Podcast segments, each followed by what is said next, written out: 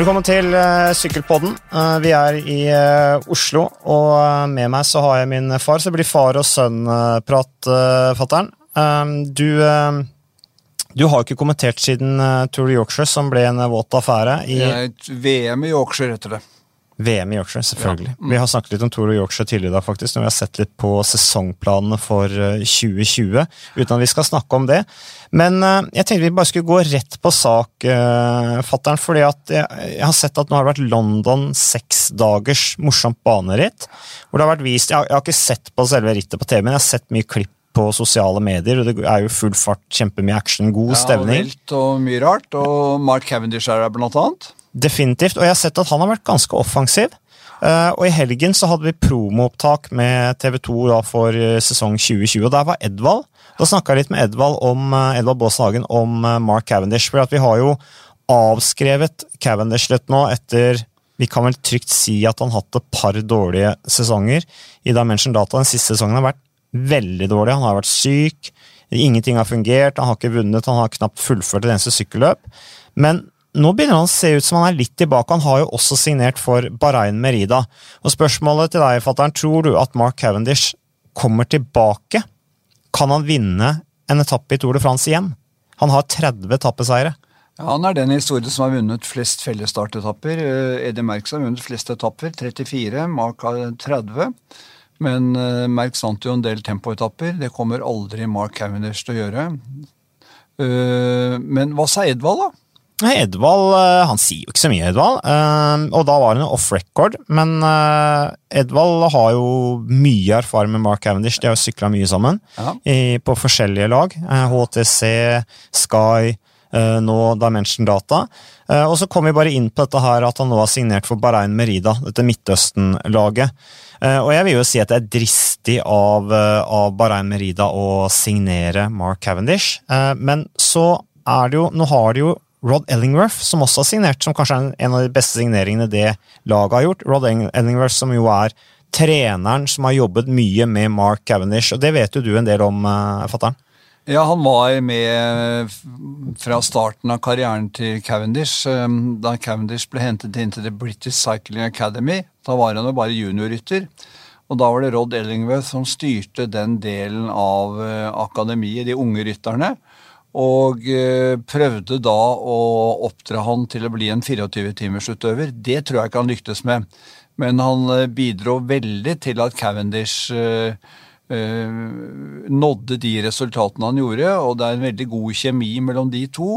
Og kanskje det kan bli redningen for Mark Cavendish nå når han prøver å gjøre et comeback i gåseøyne i den øverste sykkeliten, For det må jo være en mening med å fortsette karrieren. Han må jo ha en ambisjon om å nå et uh, nivå som er i beste fall anstendig. Uh, ellers er det jo like godt å legge opp. Det er jo ikke noe det, det, blir jo noe, noe, falmet gull av en um, av verdens beste syklister de siste årene, som nå har fått en, hatt dårlige sesonger. og Hvis han skulle avslutte da med en dårlig sesong i Bahrain Merida, så er ikke det Da vil han bli husket mye for det, og ikke for de 30 etappeseierne, alt det andre han har vunnet, VM inkludert i København. Da vil man ofte miste, miste mye av den glansen hvis man avslutter dårlig. Så det er en kunst, det å slutte i tide. Ehm, jeg tror Rod Ellingworth kan eh, få orden på Mark Cavendish, men han må jo ville det. Og han må jo ville trene det som skal til. Han må sannsynligvis trene mer enn det han har gjort før, for han er jo eldre for å komme på det nivået han har vært. Og så er det jo en utvikling blant spurterne i bransjen. Eh, er han rask nok i dag til å hamle opp med de beste spurterne? Gaviria, Gronevegen eh, Det er nok av de. Eh, Viviani, som kommer til å jakte skalpen til Cavendish. Han er i angrepsposisjon, men det krever at han møter vel forberedt til disse rittene som kommer i neste sesong. Det er ikke mange månedene igjen. De er jo allerede i gang. Eh, sesongen starter i slutten av januar, og vi er altså snart 1. november, så det er ikke lange tida Cavendish har på seg. Milano San Remo, som er sånn spurternes eh, paradis, det går i slutten av mars måned. Men det jeg ser, da, uh, det er jo at han kjører seks dager i London nå, og han ser jo ikke direkte råtten ut, da, for å bruke det uttrykket. Han har jo sett litt råtnet Cavendish. Men uh, han har fått fart på beina på denne velodromen i London, i hvert fall, med spektakulære bilder. Spurtslort Viviani blant annet der. Og han må jo begynne å få tilbake energien. og Det jeg har litt tenkt på, det som jeg også snakket med Edvard Baasenhagen om i helga, er det derre Hva gjør banesyklinga med Mark Cavendish? For vi husker jo 2016-sesongen hvor han satset på veld, da satte han veldig hardt på OL i Rio og måtte jo være 100% skjerpa hele tiden, for det er ikke bare bare å komme på det britiske landslaget på bane. Der var det mye sultne unge ryttere, og han klarte å komme seg med. Eh, og I tillegg så kjørte han Tour de France, og vant jo etapper i Tour de France. Han fullførte riktignok ikke hele rittet, men han var der, og han vant, eh, og han var i kjempeform. Og var sannsynligvis ganske god og sliten etterpå. Etter det så var han jo på en måte aldri helt det samme. Mark Cavendish han har jo egentlig slitt siden OL i, i Rio. Eh, men han har jo hatt mye sykdom. Han har hatt kyssesyke, annet, som har eh, ødelagt mye for han. Og sannsynligvis kanskje ødelagt en del av immunforsvaret hans også. Det, det kan nok være, så, men uh, nå får vi jo se, da. Hvis han velger det som var poenget mitt, hvis han nå velger å satse på Tror vi at han satser på Er han så dristig og så offensiv at han også satser på bane i Tokyo 2020? Ja, Hvis han eh, kommer på laget til Storbritannia, så um, Han har nok en baktanke med den kjøringen Nå har han den kjøringen på velodromen. Han har jo han har kjørt seksdagers i London mange ganger, han. Mm. Så dette er noe han syns er gøy, og noe han egner seg for. Han har jo medaljer i olympiske leker og VM på bane, så um, det kan være Men han har ikke gull? Nei. Og det sitter langt inne for han, og alle kameratene hans har gull, bortsett fra Cavendish. Ja, det er flaut. Det er flaut. Så Derfor så tror jeg at han har lyst til å reise til Tokyo. Eller jeg tror han har lyst til å faktisk prøve seg på det OL-uttaket på bane. Eh, og jeg tenker bare sånn, Det er en sånn teori jeg har, at hvis Mark Havner satser, knall, satser en, en velger å satse på banen i OL til Tokyo, så må han, da må han trene tøft. Annerledes. Han må kjøre worldcup på bane for ja. i det hele tatt å få poeng og kvalifisere seg til å kvalifisere seg. Og da tenker jeg formen kommer, jeg på ja, gamle mann. Så er det det at uh, landeveiskonkurransene, la oss ta Milano San Remo, da, nesten 300 km. Uh, du skal ha en viss uh, aro-base, kondisjonsbase, for å tåle For å kunne spurte godt i lange landeveisritt. Og det er den basen som jeg tror Mark Cavendish nå har manglet, og den har jo ikke blitt noe bedre de siste to årene, så han vil jo starte med en uh, Han vil jo skylle kilometer når han starter treninga foran 2020-sesongen hvis han ønsker å satse på landeveien. Og det krever mye mengdetrening, og så krever det, etter hvert mye trening av den uh, anarobe terskeltilstanden uh, hans. Krever mye styrke, bevegelighetstrening, for å kunne bli en topp spurter i en lang landeveiskonkurranse. Det er å opparbeide det grunnlaget. Orker han dere? Har han eh, den gnisten som skal til fremdeles etter så mye motgang og etter en så lang, suksessfull karriere? Jeg har snakket med mange topputøvere som har lagt opp, og, og, som sier at de siste årene jeg burde lagt opp før, for de siste årene jeg holdt på, så ble det liksom eh, Skal vi kalle det go through the motions? Altså, det ble rutine. Var, jeg gjorde det fordi jeg hadde ikke noe annet å gjøre. Og da blir det halvveis. Og hvis Cavendish er der har fått seg kontrakt med Bahrain Merida, og man sier 'kanskje kan det gå', så tror jeg ikke det går. Det er altså noe du må brenne for. Du må ha den gnisten inni deg for å kunne, uh, kunne lykkes med det prosjektet han nå har satt i gang. For han skylder en del uh, grunntrening for å kunne komme opp på høyt nivå.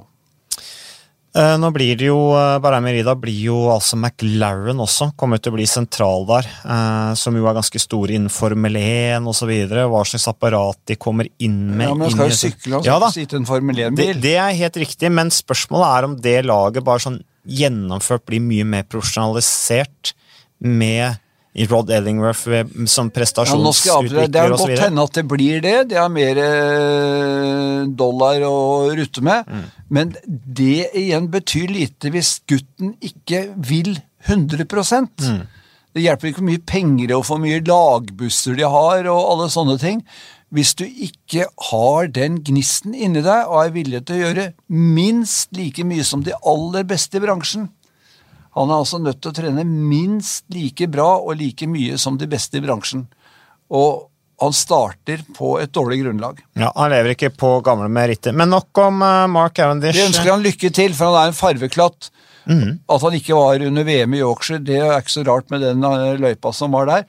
Men moren hans var der, for hun kommer fra Harrogate, som var senteret for uh, Hadde alle målgangene i sykkel-VM. Hun koste seg sikkert, hun. Drakk te og te med melk, sånn som man gjør i Yorkshire. Ja, glass sherry før rytterne kom til mål. ja. Det også. Ja. Så, men en annen ting. Eh, vi, vi svinger fra Yorkshire til uh, Italia. Uh, Italia rundt-løypa ble nylig annonsert, uh, litt etter, etter, Tour de France-løypa. vi rekker ikke å snakke om den om Tour de France-løypa nå, fatter'n, men det som er interessant med Giro-løypa, det er jo selve presentasjonen. Eh, det er jo en eh, tøff løype og mye variasjon. og sånne ting. Vi skal ikke gå inn i detalj på den løypa. Men det som var litt spennende, var hvem som var til stede der. Peter Sagan var på giropresentasjonen, og bare det at Peter Sagan er der, gjør jo at det blir mye mer interessant med en gang. For han er jo, Du snakket om at Cavendish er en fargeklatt, men det er i hvert fall Peter Sagan det. Eh, men han skal altså kjøre da årets, nei, neste års Giro Italia. Og det blir jo et nytt ritt for han. Han blir jo en stor stjerne der, selvfølgelig. Men spørsmålet er jo da hva gjør bordet Hansgrohe med lagsammensetningen sin i 2020? Tror du da også at Peter Sagan kommer til å si, satse på å kjøre giroen og så Tour de France? Kommer han til å kjøre deler av giroen, stå av for å ha krefter til Tour de France? Kommer han til å kjøre hele giroen, vinne etappe, kanskje ta poengtrøya der, eh, og da droppe stoppe Tour de France med da Pascal Ackermann som kanskje den store spurteren til bordet. Hanskerud der. Hva tenker du om det? Jeg tror det er alle de mulighetene du sa er realistiske, så hva han velger, det tror jeg avhenger av hva som skjer, ikke minst den første uka i Giro d'Italia, og ikke minst med oppbyggingen eh, til sesongen. Sagaen skylder også en del trening fra fjorårssesongen. Han møtte ikke topp forberedt til 2019-sesongen i forhold til det han har vært tidligere hatt en del sykdom, hadde en del sykdom i oppkjøringen.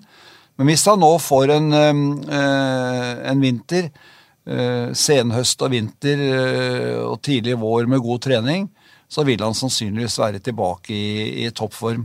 Og så kommer Giroen da i begynnelsen av mai måned. han har alltid hatt lyst til å kjøre Giroen, og jeg syns det er helt naturlig at Petter Sagan kjører, prøver nå å kjøre Giro d'Italia. Og kanskje vinner noen etapper. Én ville være nok. Da har han iallfall det på merittlista. Han vunnet etapper både i Giron, Spania rundt og Tour de France. Det er jo noe som rytterne uh, higer etter. Mm. Uh, jeg tror du kan ha Tour de France i bakhodet, for det er, en, uh, det er noe som er viktig for ham. Eh, men vi har sett at spurterne kan lykkes både i Tour de France og Giro d'Italia om en rekkefølge, mm. fordi de kjører de harde etappene med, med, lav intensitet i forhold til de som slåss om sammenlagtseieren. Så det kan være en, Cavendish har gjort det, blant annet. Ja, kan være en fin trening for, eh, for uh, Sagaen. Fin mengdetrening. Kvalitetstrening når det gjelder å blandet seg i spurtene, og så er han en såpass god allround-rytter at han har en forse i forhold til de andre spurtkanonene. At han kan høste poeng på mange etapper uten å slite seg ut på fjelletappene. Så jeg tror han har en liten sånn baktanke på å bli en av de få som har vunnet samme året eh, poeng, tror jeg, både i Tour de France og Giro d'Italia. Da blir det jo historisk igjen. Ja, vet du når en rytter gjorde det sist? Nei, vet du? Ja, og det er Utrolig nok. Det var i 1994. Vet du hvem? Ja, Det var jo interessant. Aserbajdsjaner. Å oh, ja.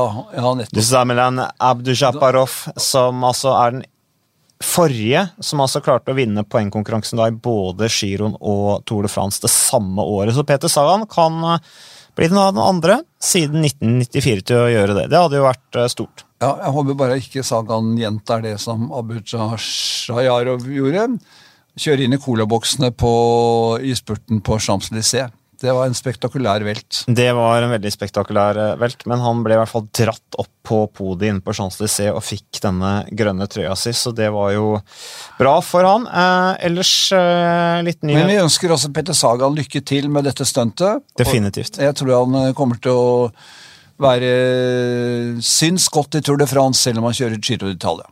Ja, altså Bare for å sitte og spekulere i alle slags mulige varianter av måter å legge opp sesongen på. altså Kanskje han kjører giroen for å være best mulig til OL?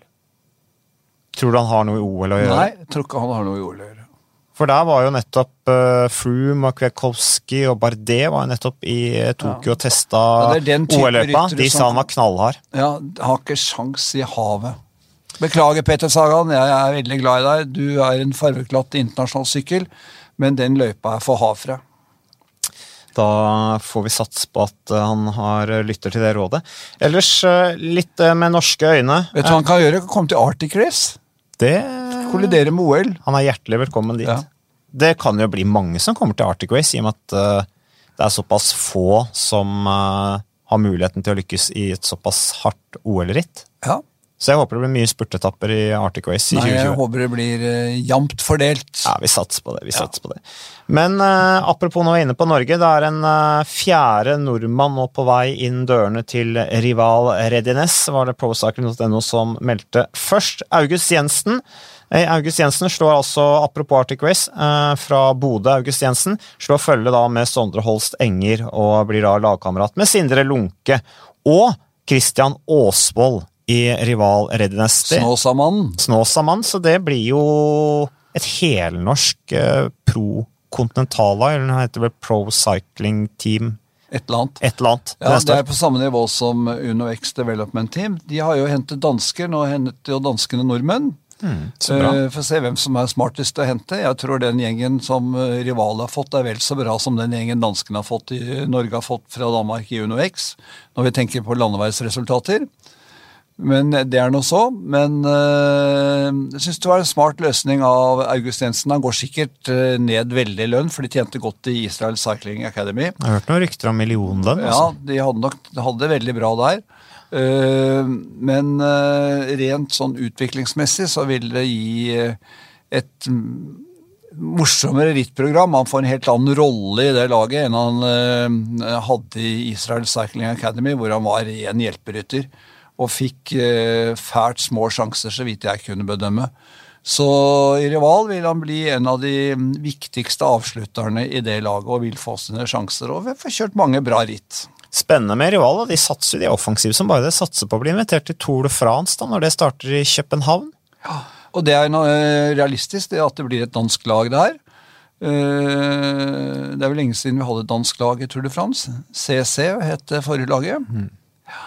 Det første, husker du hva det het? Jack and Jones. Ja, Men det var jo på en måte ble jo CC. det ble jo det. Så, men de hadde jo Jalabert blant annet, og Rolf Sørensen og Ja, mange som hadde spist riktig og godt, og presterte meget bra.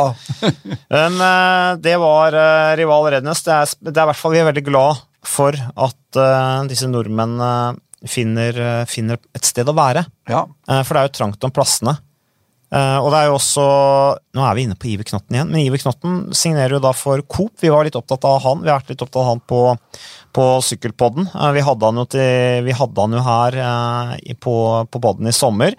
Og han er jo en også som har slitt litt med å, å finne lag, men han skal jo til Coop og satse, apropos bane og Cavendish osv. Skal si jo det at han kommer til å bruke denne velodromen på Sola. Det blir spennende å se på det utviklingsmiljøet som kommer til å å bli skapt der rundt denne Sola-velodromen. Jeg tror det blir helt eh, fantastisk for norsk sykkelsport. Det er den Sola-velodromen og eh, relasjonen til Coop. Og det jeg håper er at det blir lagt et sykkelgymnas til det området.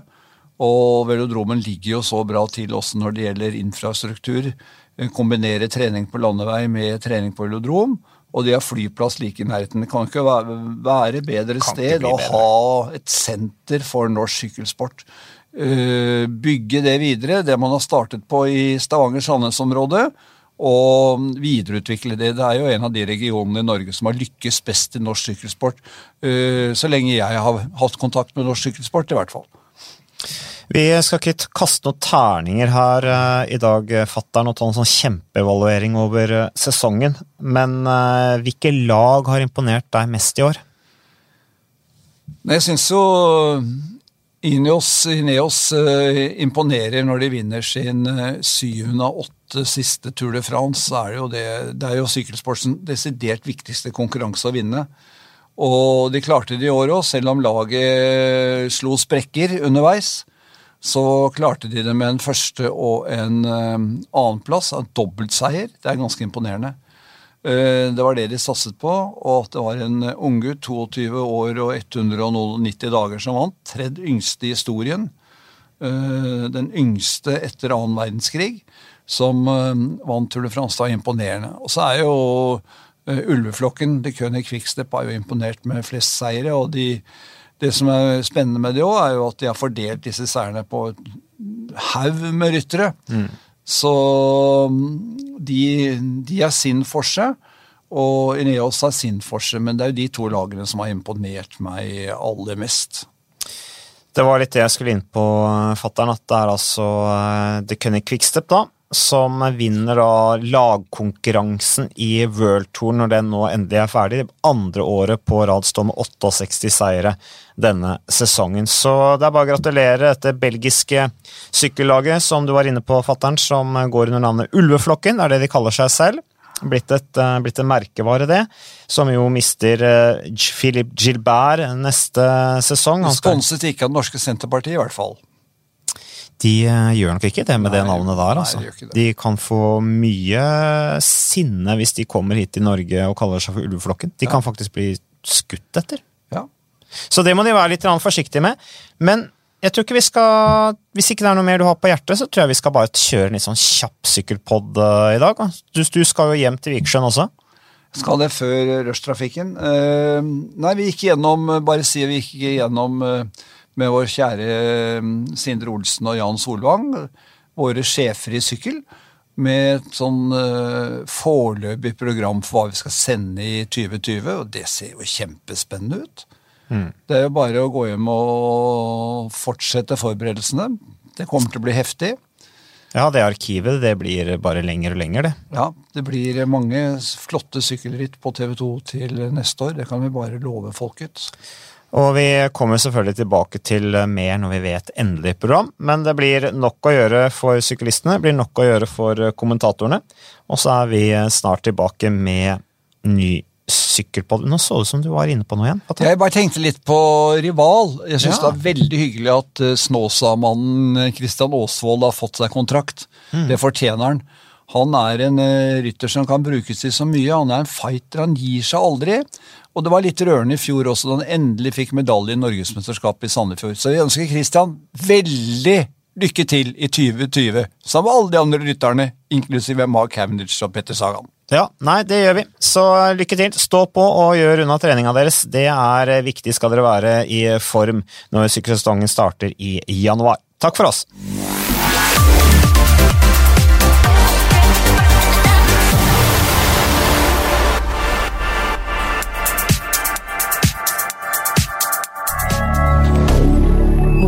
milliardaire